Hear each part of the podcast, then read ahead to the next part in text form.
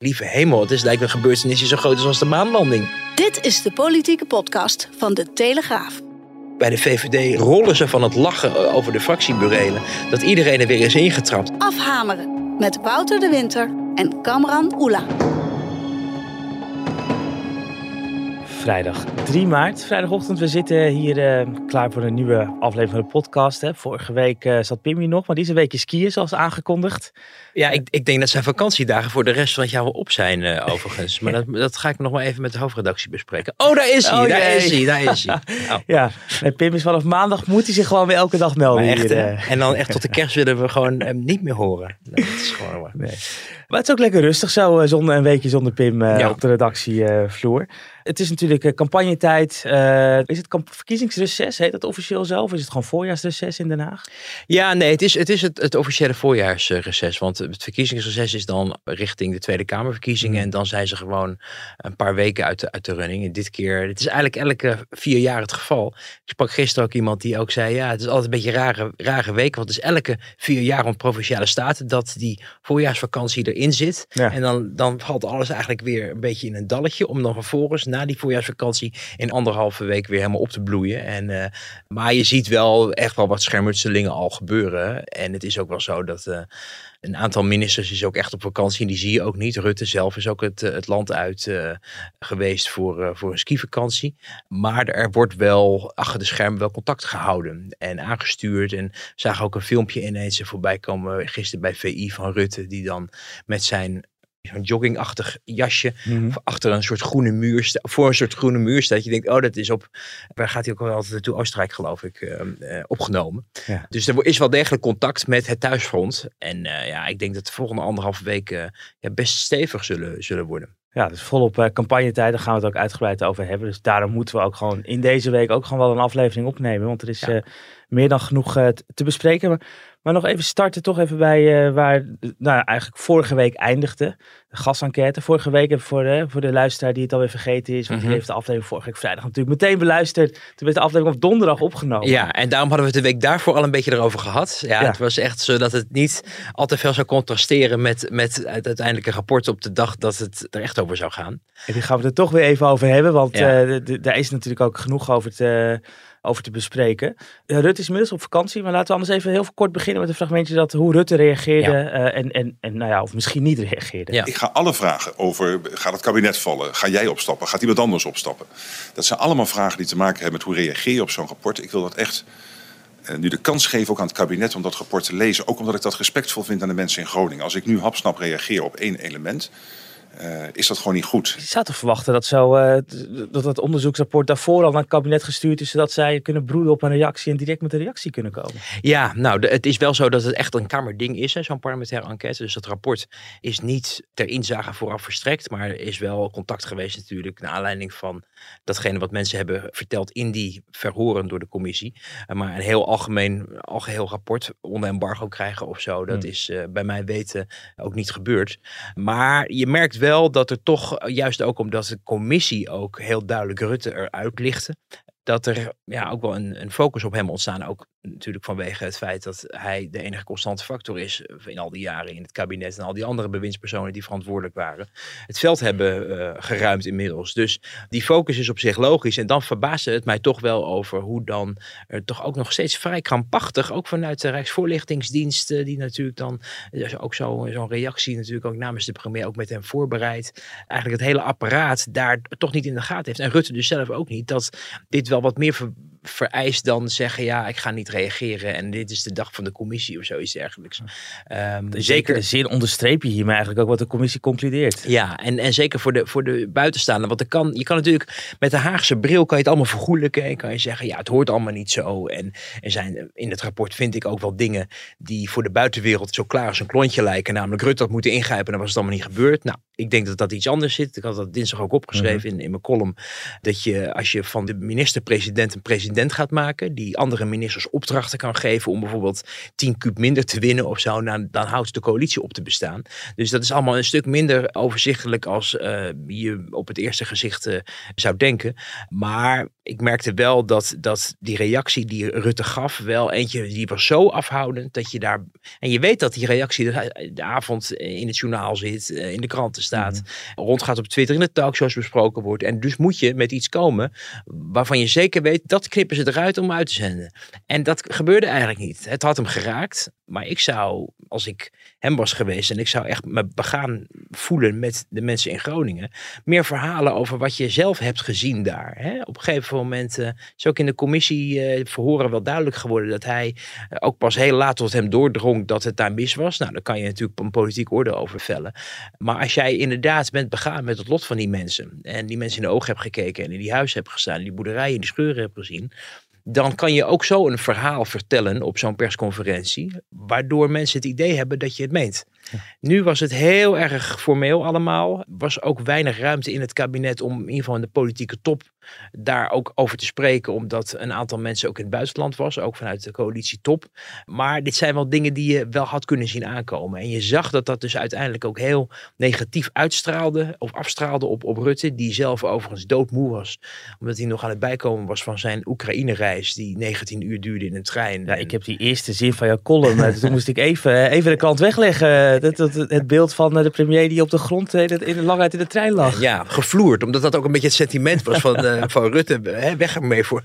En, en ik denk, ja, hij, is, hij ligt al op de grond. Maar het was dan in die trein in Oekraïne.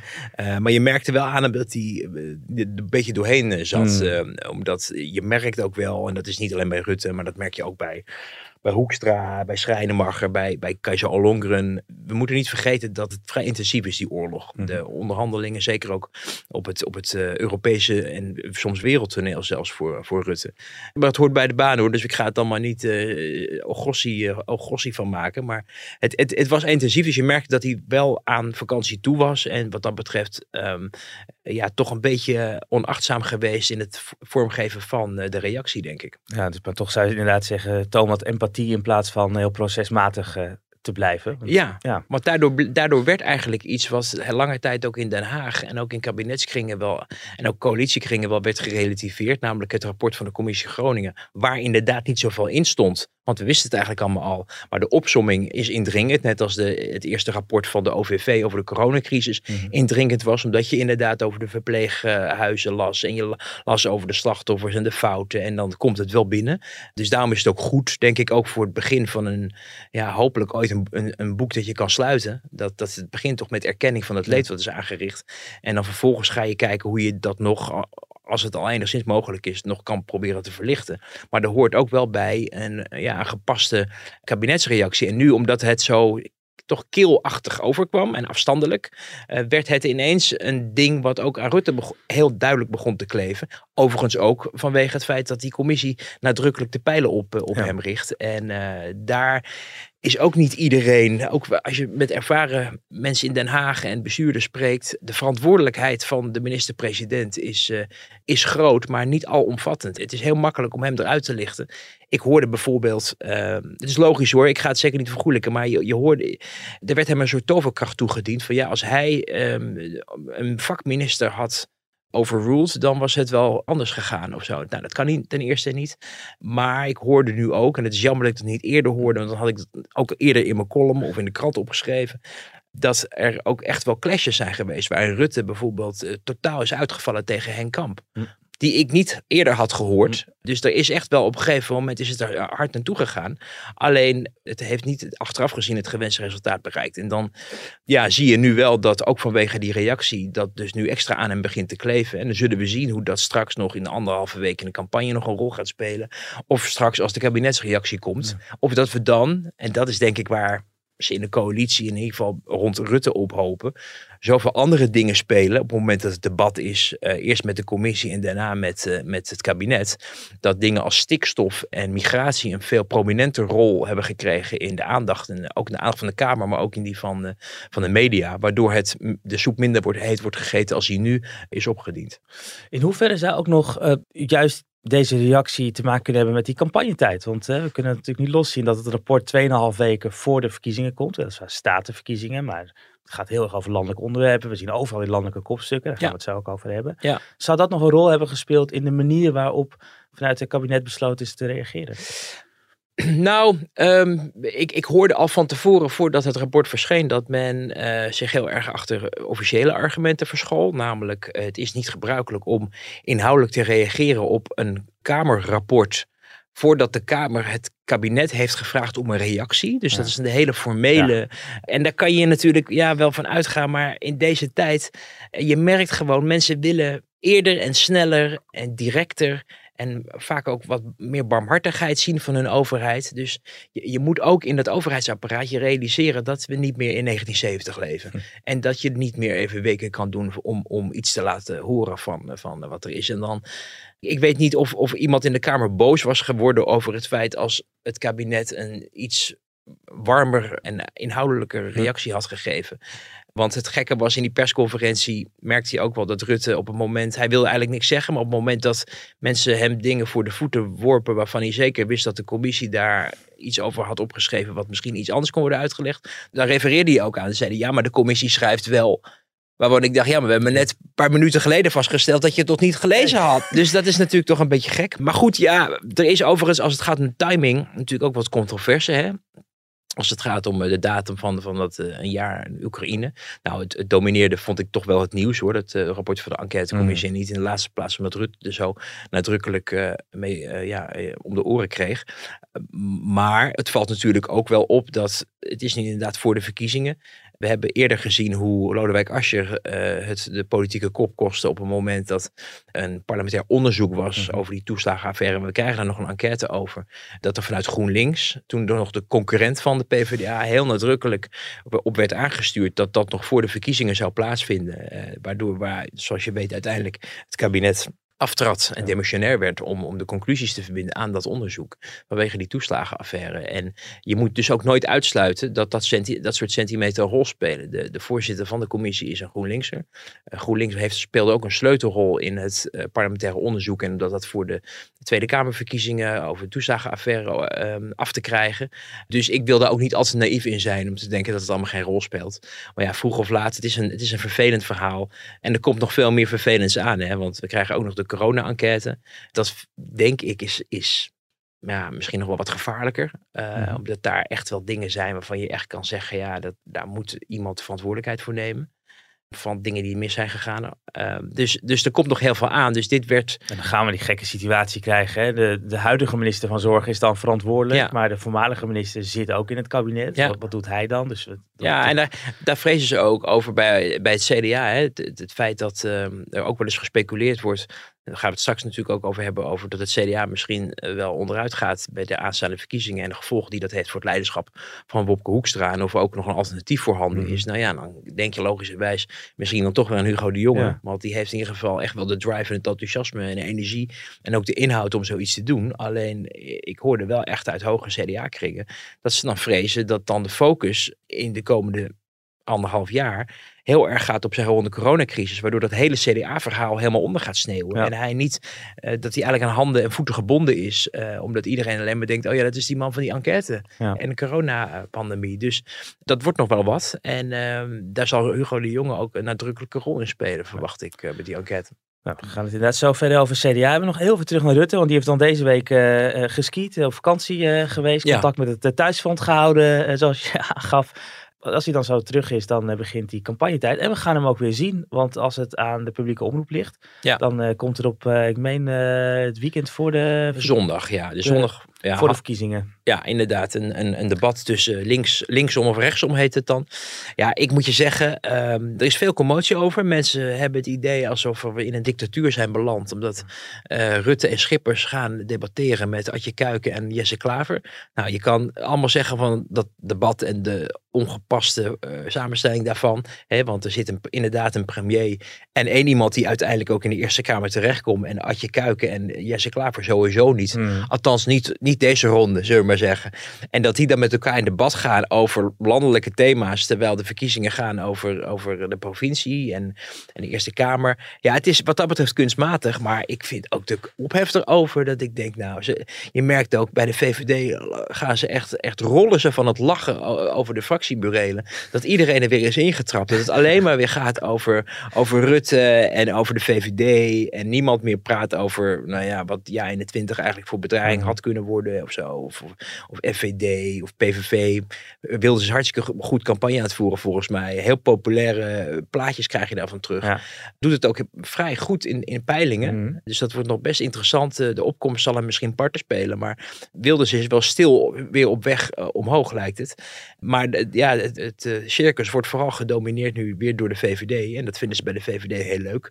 Ja, dat is de kritiek natuurlijk ook. Hè. De VVD heeft een frame gekozen, een aloude truc. Een soort twee eh, strijd creëren met de linkse wolk. Ja. En de publieke omroep die trapt erin, want die gaan dan precies... eh, dat, dat, Ja, nou, ik ken die mensen een beetje. Die, die, die, ik ken Jeroen Pauw wel een beetje. En, en ook de mensen die voor hem werken. En die willen gewoon vuurwerk. ja, spannend debat. Ja, dat is wat ze willen. En het is op zich wel interessant. We, we dichten wel heel weinig eh, eh, ja, kracht en, en debattechniek toe aan eh, de uitdagers, zal ik maar zeggen, dan Adje Kuiken en eh, Jesse Klaver. We denken bijvoorbeeld dat die geen partij zijn voor Rutte. Maar het zou best kunnen zijn dat zij zo ijzersterk uit de strijd komen dat Rutte gevloerd, voor de tweede keer, gevloerd eh, op de grond ligt op het moment dat, dat het debat voor hem helemaal verkeerd uitpakt. Maar goed, daar gaat het al niet om. Nee, de publieke omroep is in een frame getrapt. Ik denk, nou, nou, het is niet zo dat de publieke omroep alleen maar dit debat uitzendt. Je wordt redelijk doodgegooid aan die programma's met allerlei politici. Jan Paternotte, die zie ik echt vaker nog dan ieder ander politicus op televisie. Die is werkelijk, die, die, die blijft slapen op het Mediapark en gaat,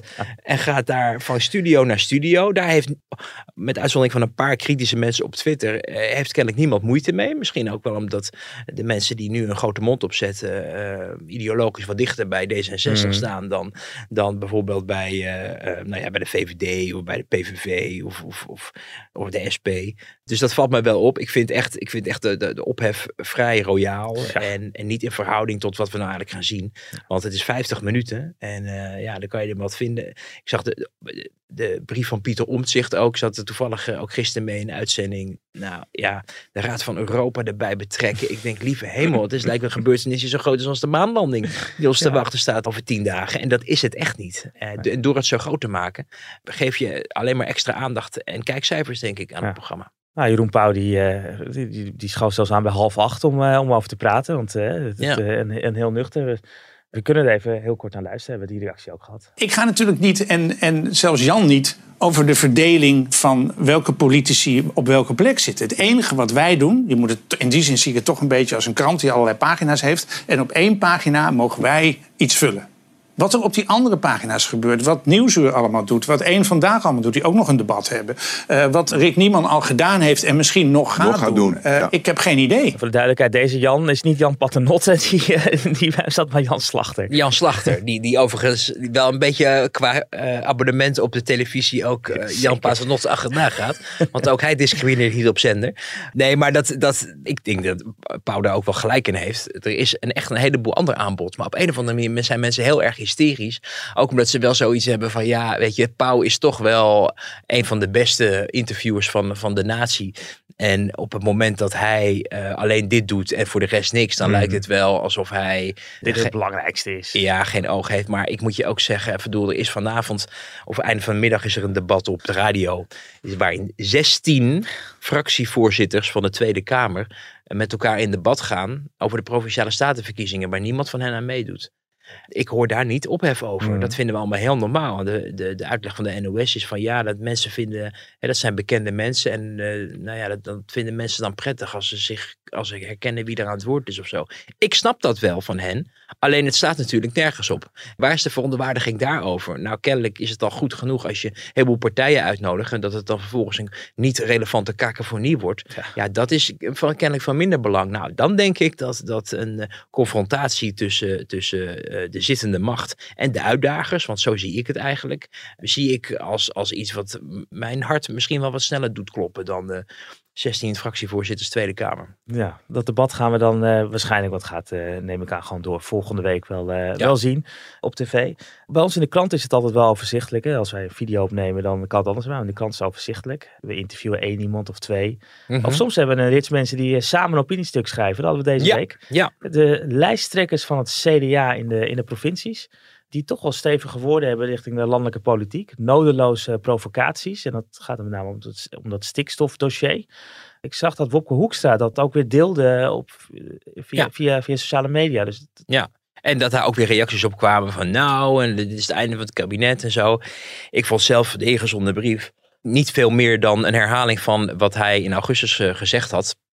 Het was een reactie, begreep ik ook, op eh, een ingezonden stuk wat eh, eh, over uitspraken van Tjeerd de Groot van D66 van vorige week, die heel erg op onteigening aan het aansturen was. En, en bij het CDA, maar ook bij andere partijen, BBB, maar zelfs ook bij andere partijen die hun wortels wat meer hebben buiten de Randstad, merk je en hoor je heel veel dat uitspraken van D66 over het stikstofdossier, voornamelijk gedaan overigens door, door Tjeerd de Groot, dat die voor onrust, onvrede en boosheid en ook wel angst zorgen op het platteland. Mhm. En dat er eigenlijk bijna een een één op één communicerende vaten zijn. En dat het CDA heeft gemeend. En ook omdat ze weer merkten van ja, daar heb je hem weer. We moeten terugduwen. Dus ze hebben aan de bel getrokken en wilden met die twaalf provinciale staten eh, lijsttrekkers eh, de boer op. En, en duidelijk maken eigenlijk wat Wopke Hoekstra eerder al heeft gezegd. Eh, maar dat wordt dan uitgelegd alsof er weer een nieuw incident is of zo. Of dat men een, stap, een stapje verder is gegaan. Mhm. Nou, volgens mij is dat niet het geval. Het is ook een typisch CDA-verhaal. hè. Er wordt gesproken over hè, tegen de polarisatie en zo. Nou, zo kennen we het CDA natuurlijk altijd een beetje, ja, toch de boel bij elkaar willen houden. Vooral veel praten met elkaar en het liefste ook eh, met LTO Nederland. En dan de boeren dan luisteren wat LTO heeft uitonderhandeld. Want dat was die overzichtelijke wereld waar men zo, eh, zo vertrouwd mee was. Maar zijn ook meer wij, minder ik. Dat ja, dat de- soort dingen. Ja. je moet ervan houden, maar goed. maar er, er zijn dan ook twee eh, partijen, stromingen die dan genoemd worden. Namelijk de linkse partijen, nou, dat kon je er wel uit. En nog partijen die dan beetje met winden zouden meewaaien. Mhm. Nou, daar werd dan weer op eh, BBB eh, gedoeld. Maar ik begreep wel dat met die linkse partijen ook nadrukkelijk op D66 Ja. gedoeld werd. Alleen dat durven ze dan weer, typisch CDA, om de lieve vrede in de coalitie allemaal niet te benoemen. Omdat je weet dat je op, op, eh, na de verkiezingen de volgende dag gewoon weer met elkaar aan tafel moet Ja. om het land te besturen. En, en trouwens de provincies ook. Dus het blijft ook, het was ook weer typisch, zo'n typisch CDA-verhaal van ja, wel een punt maken, maar ook weer niet helemaal doorpakken en doorbijten. Niet doorpakken, terwijl dat toch hè, ooit de slogan was. Zeker. Ehm, dus, dus ja, ik, ik, dus wat dat betreft, ik vond het niet zoveel nieuws onder, onder de zon. Maar wel heel duidelijk, natuurlijk voor het CDA, die moeten terugduwen. Want Ja. die partij die gaat er gewoon aan straks met, met die statenverkiezingen. Als de achterban zich massaal eh, afkeert. Dat zorgt voor instabiliteit in eigen kring, in, in het CDA zelf, maar ook in, eh, in de provincies. En mogelijk ook in het kabinet. Want er is in eh, richting de zomer al, toen men aan het nadenken was over die uitspraken van Hoekstra van doelen zijn niet heilig. Echt stuk voor stuk aan die fractieleden gevraagd van realiseren jullie je dat dit ook het einde van het kabinet kan betekenen? En zijn jullie bereid daarin mee te gaan? Of gaan jullie straks terugkrabbelen op het moment dat het spannend wordt? Want dan laat je de leider eigenlijk vallen en dan is het klaar. Ja. Men heeft toen eh, stuk voor stuk ingestemd met het, ja, het scenario dat het het einde van het kabinet kon zijn. Hebben we het eigenlijk al over juni, juli, hè? eh, dat daarover ge- gesproken Dat was werd. ook die periode toen over het, eh, 2030 wel of niet. eh, Dat was nog in die, in die, in die Remkes tijd, eh, Ja, toch? Dat, ja, dat, ja. dat- Remkes was toen net aan het werk gegaan. Die werd dan weer boos later van het interview. Of nou, hij was nog niet aan het werk. Hij moest nog aan het werk gaan, want hij kwam pas half juli terug van vakantie, herinner ik mij. maar Remkes moest de oplossing brengen. Dat Hmm. was, toen het, was toen het plan. En daar, daar ja, zij merkte gewoon toen al heel veel onrust in die achterban. Dus zij vonden er moet een signaal komen om in ieder geval te laten merken dat wij de, de belangen van die achterban in het vizier hebben. En nou ja, dat moment is dus al eh, geweest. En dat, is, eh, dat sentiment is ook niet veranderd. Dus er is nog steeds, ook in de CDA-fractie en ook bij de CDA-partijleiding, en dan een idee van als het niet te dragen is, dan eh, kan het alsnog misgaan. Het CDA lijkt klappen te gaan krijgen hè, met die provinciale statenverkiezingen ten opzichte van, eh, van vier jaar geleden. Is dat, heeft dat dan voornamelijk mee te maken eh, volgens jou met het, dat dat kabinetsbeleid eh, bij de eigen achterban niet goed valt? Of heeft het ook te maken met eh, de, de visie en de strategie van de partijleider? Het, het is een, ik denk een algehele malaise die is ingezet. sommige mensen zeggen al na Lubbers. Maar goed, ik, ik ben nog, nog zo oud dat ik nog onder de kabinetten Balkenende heb geleefd. Zelfs heb gewerkt. Dus ik weet ook nog die tijd. Overigens, dat was ook een tijd waarin het CDA besloot om wel of niet mee te doen aan debatten of de premier naar voren te schuiven. Dus alle dingen die nu heel erg van, kijk, Rutte wil niet met, met Ja. Caroline van der Plas in debat. Nou ja, dat, ik weet nog dat Balken en de, dat soort dingen ook niet deed als ze niet dachten dat ze de voordeel uit hadden. Dus dat is iets van, ja, de mag toch van de grootste zijn of zo. Uh, maar je, je ziet dat verval eigenlijk na, zeker na Balken en de vier, is, is, daar is het CDA eigenlijk nooit meer uh, bovenop gekomen. En je ziet nog wel dat, dat uh, nou, Sibran Buma heeft toen de kar getrokken. Dat was een tocht door de woestijn, zoals dat heet. Dat is Rutte 2, dat ze oppositie moesten zijn. Het CDA is meer van verantwoordelijkheid nemen. En ze worstelden ook met hun positie. Ze konden uiteindelijk niet het alternatief zijn na het kabinet uh, Rutte-Ascher. Dat bleef uit. Uh, dat was misschien wel de kans geweest om weer terug te komen in, in, uh, uh, aan de top. En daarna, ja, ze hebben 19 zetels gehaald daarna. En daarna weer 15 bij de afgelopen verkiezingen. En je ziet dus dat ze komen maar niet lekker uit, uit de startblokken. Dat zal met de boodschap te maken hebben. Ook een beetje met het stoffige imago, denk ik. Hey, als je dat logo alleen al ziet, dan denk je, oh ja, dat, was, dat is van vroeger. vroeger ja. ja, en je ziet op CDA-congres als je er komt, dat men, uh, daar proef je wel die oude CDA-sfeer. En die ruik je ook, die... Uh, Splijterslucht? dat oude zweet, zeg oh, maar. Ik denk, wat ga je nu zeggen? Nou, dat, dat, ja, ik ben ooit in een, in een boerenstal geweest waar Balken en ergens in Drenthe mensen toesprak. En toen kwam je daar binnen en toen dacht je, oh ja, zo ruikt het bij, bij opa en oma ook altijd thuis als ik thuis kwam. En dat heb je nog steeds wel, hoewel het wel wat gemoderniseerder is. Maar ik vind het heel grappig met zo'n congres dat mensen als de jongere christendemocraten, het CDA, met voorstellen komen, dat die vrij massaal worden omarmd. Ook al adviseert het, het partijbestuur tegen. Ook omdat je merkt dat ze hopen dat de jongere generatie de, de, de kar weer uit de modder gaat trekken ja. of zo. Dus dan wordt er ineens over de leenstelsel weer toen een motie aangenomen. En uh, dat is een beetje de, hun antwoord. Maar ja, de boodschap zelf is zeker rond stikstof is gewoon heel erg moeilijk. En ze hebben zich ook verkeken op hoe, hoe erg uh, akkoord gaan en maar willen regeren met, met D66 in deze coalitie. De gevolgen die dat heeft voor de achterban. Mm. En, en dat tandje erbij. Alle focus was van we moeten, we hebben het linkse gespuis, zeg ik maar even vriendelijk tussen aanhalingstekens, hebben we uit het kabinet gehouden. Dus nu moeten we hier wel mee instemmen. Nou ja, je ziet wat daarvan komt. Onrust in de achterban. Dus het is een combinatie van factoren waarbij je nu natuurlijk ook een partijleider hebt die, uh, uh, waar, die ook heel hoog werd aangeschreven van nou, hij, hij is de nieuwe Lubbers of zo. En uiteindelijk toch zelf aangaf, ik ben meer een bestuurder. Nou, wij weten allemaal wat er met Hugo de Jonge is gebeurd. Toen nam hij toch het stokje over. Die campagne ging niet goed. En uh, nu is hij veel voor zijn werk in het buitenland. Zoals dat mm. hoort bij een minister van Buitenlandse ja. Zaken. En ja, dan zie je hem toch wat minder over de binnenlandse onderwerpen. Dus dat is uiteindelijk denk ik ook toch geen gelukkige combinatie geweest. Ook al heb je het, het, het, het voordeel van uh, dat het veel over het buitenland gaat nu. Mensen gaan toch uiteindelijk kijken wat, wat betekent dat voor mijn portemonnee. Mm. En, en de inflatie en de energiecrisis. En al die handschudderij van de minister van Buitenlandse Zaken. Ja, die, die trekken mensen toch niet naar de stembus, vrees ik. Je had het net al over die periode Balken die we hebben uh, meegemaakt. Ik meen, als ik het goed heb hoor, was het ook uh, in, in die periode dat uh, toenmalig VVD-leider Josias van Aartsen na een statenverkiezingen. mijn lokaal. was het lokaal, lokale, dat hij toen de handdoek in de ring gooide. Ja. Zou zo'n scenario nog denkbaar zijn bij, bij het CDA? Ja. Dat er gewoon een soort ondergrens is.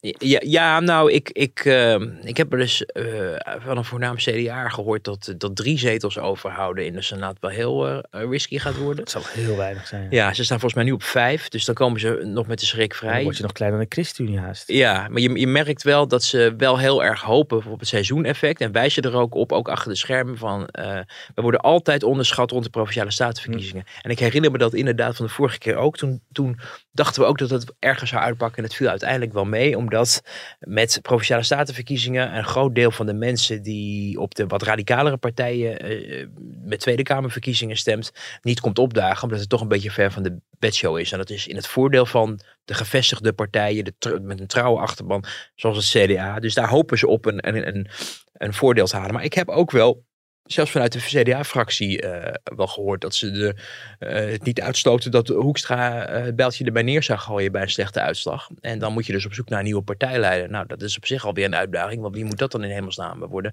Maar als het net al over dat het voor Hugo de Jonge ingewikkeld wordt, zitten misschien twee mensen in de fractie. Marlis van Rij doet het overigens heel goed als, als staatssecretaris, dus daar wordt ook nog wel eens naar gekeken van die gaat nog een voorname rol spelen, ook als er weer nieuwe verkiezingen zijn in, in het CDA.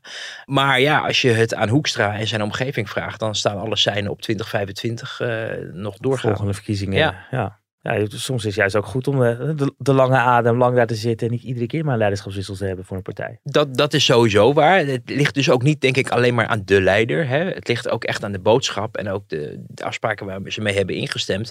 En met het feit dat Rutte er nog steeds zit. En dat veel kiezers, of, je, ja, of mensen het nou leuk vinden of niet, om een of andere manier het landsbestuur toch uh, voor een belangrijk deel aan hem toevertrouwen op het moment dat Rutte wegvalt, weet je niet wat er gaat gebeuren. Dan weet je niet wie het de VVD gaat aanvoeren. Het kan best zijn dat mensen denken, nou, als we dan toch moeten kiezen, dan toch maar iets wat we al kennen, namelijk Hoekstra, want dat is het CDA.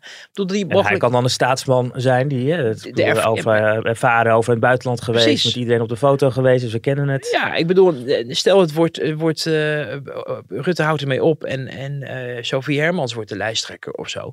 Die zal dan nog heel wat stappen moeten maken, want dat ging natuurlijk tot nu toe nog niet zo erg lekker. En het kan best zijn dat mensen dan denken, nou ja, dan liever Hoekstra of zo. Dus ik denk dat ze daar bij het CDA ook een beetje op hopen. Dat je, dat je, dat je ziet dat Rutte wel bijna wekelijks verder onder vuur komt te liggen. En ehm, nou ja, dat er een mogelijkheid kan zijn dat op een gegeven moment hij zal bezwijken onder de, onder de druk. Het veld moet ruimen, dat het hele speelveld dan opnieuw is en de kaart opnieuw worden geschud. En dat ook het CDA weer een nieuwe kans maakt. Maar bij de VVD zeggen ze, het CDA is klaar, die worden nooit meer uh, echt relevant. De grote uitdaging bij de komende provinciale statenverkiezingen voor het CDA is natuurlijk BBB. Juist daar waar het CDA altijd groot is geweest, ook die doelgroep van boeren in de dorpen. Daar zie je Caroline van der Plas. Ging vorige week even over, hadden jullie het al in deze podcast over de spandoeken die, eh, die daar hangen in plaats van de omgekeerde vlaggen. Ja, ja. Heel wonderlijk hè, als je nu uh, uh, over de snelwegen rijdt. En ook al zelfs in de, gewoon in de Randstad, gewoon in de Randstad, mag ik natuurlijk niet zeggen mensen. In de Randstad, niet gewoon in de Randstad. Toevallig woon en werk ik in de Randstad, daarom zeg ik dat het gewoon is. Maar ik vind het altijd zo terug als, als, als mensen zeggen, ik ben helemaal naar het Hoge Noord afgereisd. Ik denk, nou nou, hè, dat is gewoon van, van Noord naar West Los Angeles rijden in, in andere landen. Maar hier doen we alsof het, uh, ik weet niet, het eind van de wereld is. Maar het valt op, je ziet, en daar vermoed ik ook wel dat... dat het was toch eigenlijk wel heel briljant gecoördineerd. We moesten nog steeds achterkomen wie heeft nou uh, ervoor gezorgd dat al die omgekeerde vlaggen overal mhm. in het land hangen. En ook zo slim steeds bij die snelweg. Want we, als je een auto hebt, rij je heel vaak op de snelweg. En kom je elke keer die vlaggen tegen. En uh, ik was toevallig afgelopen weekend in, in Friesland. En dan nou, zo'n hele, hele, hele, hele boulevards eh, met vlaggen zeg maar, naast de weg. En dan afgewisseld met BB Beter. Dus je ziet dat er, een, er is een correlatie tussen, tussen die vlaggenactie en de campagne. En dus dat is allemaal goed georganiseerd van BBB. Uh, en dat valt dus echt heel erg op. En uh, we hadden een interview met Caroline van der Plas gedaan. Uh, wat ik denk, nou ja, als mensen dit luisteren, dan is het binnen een paar uur, of ja, wanneer, wanneer, ja, ik, ik, denk dat iedereen om twee uur s middags uh, zit. Dat geldt ook voor de meeste luisteraars. Die, die, die denken, hé, hey, yeah, staat die. Maar voor wie terugkomt van de wintersport nu en in de auto zit, die kan dus hem al uh, het interview al lezen. Maar dat, dat staat dus zaterdag in de krant en, en uh, meestal al wat eerder online. En ehm, nou, dat was een interessant gesprek met toch iemand die vanuit niets uh, heel groot aan het worden is. Zoals we dat overigens de afgelopen jaren vaker hebben gezien. Niet altijd goed uitgepakt. Dus dat wordt echt risky. Uh, veel mensen van, uh, die vroeger bij andere partijen actief zijn. En die heb je bijvoorbeeld ook bij 50PLUS gezien. Maar daar denk ik altijd aan. Mensen die ook wel wat ouder zijn vaak. En denken, en nu zijn wij aan de beurt. En nu ga ik mezelf eens even laten gelden. Terwijl het nooit de mensen zijn, de prominente, de succesvolle mensen bij die andere partijen. Het zijn altijd mensen waarvan je hoort van, oh ja, dat die, die was toen in de gemeenteraad actief voor de VVD of voor het CDA. Het hmm. zijn nooit de kanonnen. Dus dan denk je altijd, waarom ben je eigenlijk niet zo een kanon geworden bij je vorige partij? En nou, mensen hebben dan toch het idee, nu kan ik het bij BBB wel zijn. Dat levert ego's op, dat levert strijd op, dat levert coördinatieproblemen op. Dus dat wordt nog heel erg ingewikkeld. Hebben we het met Caroline ook over gehad. En zij is ervan overtuigd dat, dat, dat het allemaal goed is. Dat ze, ook niet, ze ligt er ook niet wakker van dat, dat het mis kan gaan. Dat is wel de grote vraag. Hè. Is, is daar meer organisaties, zijn daar meer mensen die echt een voorname rol achter de schermen spelen? Of draait echt alleen maar alles om Caroline van der Plas? Ja, nou ja, wij vroegen aan haar van heb je goede financiële mensen op de lijst voor de Senaat? Ze kon ze niet noemen. Hm. Ze zei ze zijn er wel, maar toen, ja, ik heb dat niet allemaal, ik heb ze niet alle dertig. Ik denk, nou, alle dertig. In ieder geval de ene, de financiële persoon. Dus, dus dan denk je van, hmm, als dat maar goed gaat. Het is natuurlijk, eh, ik, ik hing toch een beetje op twee gedachten, omdat ik ook wel begrijp dat een aan politieke partij leiden met zoveel potentieel en zoveel screening die je moet doen en ook tegelijkertijd in de media en debatten moet doen, dat gaat je niet in je koude kleren zitten. Ze heeft ook te maken met bedreigingen, daar vertelt ze ook over. Mhm. Ze neemt het ook op, over, uh, op voor Sigrid Kaag en is dus heel fel over de mensen die met vakkosten staan. Dus ze heeft ook, moet ook over van alles en nog wat een mening hebben. Dus ik geef haar wat dat betreft ook iets meer het voordeel van de twijfel, omdat de verantwoordelijkheden, de verplichtingen vooral veel groter zijn. Maar als het gaat om echt de inhoudelijke onderbouwing van, van de koers.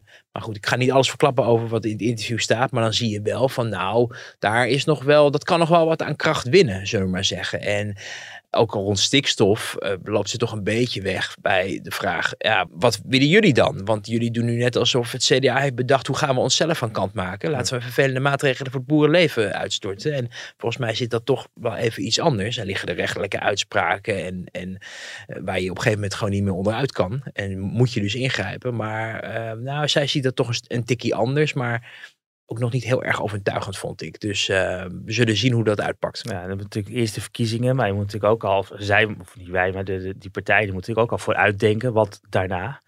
En uh, als je heel groot wordt, ja, ga je dan ook bestuurlijke verantwoordelijkheid dragen. En dan zal je water bij de wijn moeten doen. Je kan natuurlijk niet ja. zeggen, we gaan met uh, ons programma is heilig. Want ja. hier hebben mensen op gestemd. Ja, en dat is een heel interessant punt. Want uh, ze vertelde ook van, we vroegen dan ook naar, je kan het trouwens ook niet alles in het interview op, opschrijven. Want het is, het is een, een gesprek van een uur. Mm. En daar blijft uiteindelijk een toegankelijk verhaal aan, over. Maar we hebben het ook over haar, over haar stemgedrag bijvoorbeeld gehad. Dat ze wel heel vaak instemmen met allemaal mooie dingen die heel veel geld kosten. Uh, en ja, waar ga je dat dan van betalen? En dan kwam ze ook niet helemaal uit van ja, de belasting moest je niet verhogen. Maar ja, kan je wel, kan je wel op de ministeries weghalen. Dat je denkt, ja, ja dat, dat, is, dat klinkt inderdaad uh, heel, eenvoudig. Maar dan heb je meestal ook nog niet alle rekeningen betaald. Uh, ze zei er zelf ook over, want ze heeft bijvoorbeeld het verkiezingsprogramma niet laten doorrekenen door het CPB. Van ja, ons eerste doel was niet om financieel degelijk plaatje af te leveren. Maar om een zetel te halen of meer in, in de Tweede Kamer. En dat snap je natuurlijk Ja, ook wel. ja. Want waarom zou je als beginnende politieke partij ooit een voet tussen de deur krijgen als je niet eh, ja, met enig enthousiasme of idealisme mensen kan overtuigen om op je te stemmen. Dus, maar ze zei, ja, de volgende keer gaan we het misschien wel eh, laten controleren. En dat wordt natuurlijk de volgende stap. Hè. Op het moment dat je bestuurlijke verantwoordelijkheid gaat nemen, wat ook BBB ambieert in de provincies, Mhm. zal je inderdaad compromissen moeten sluiten.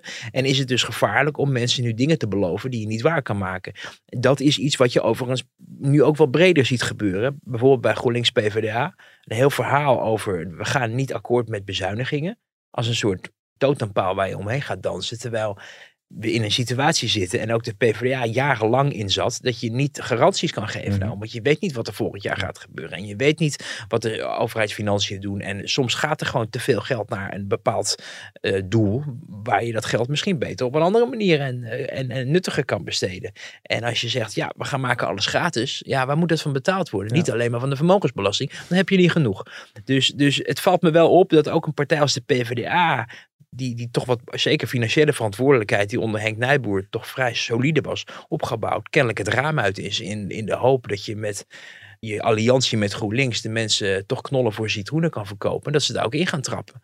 Maar dat wordt uiteindelijk eind, eindigt dat in tranen, want je zal op het moment dat je inderdaad aan de macht komt, wel dingen moeten doen die nodig zijn.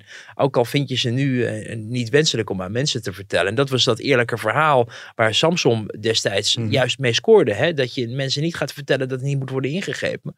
En dat was het eerlijke verhaal. En daar werkt hij de Tweede Partij van Nederland mee. Precies. Dus je hoeft niet mensen in de maling te nemen en, en een kle- een kletsverhaal op te spelden om hun vertrouwen te winnen. Als je maar laat zien van oké, hij of zij eh, zit, zit op een bepaalde manier in de wedstrijd en die doen wat nodig is. Campagneweek staat eh, ons, eh, ons te wachten, Wouter. Dus als we, of ja, niet we, want volgende week zit Pim hier weer. Want we Ja, hebben het als begin hij niet op vakantie Hij-. Nee, precies. Hij, nee, hij moet zich maandag gewoon weer melden.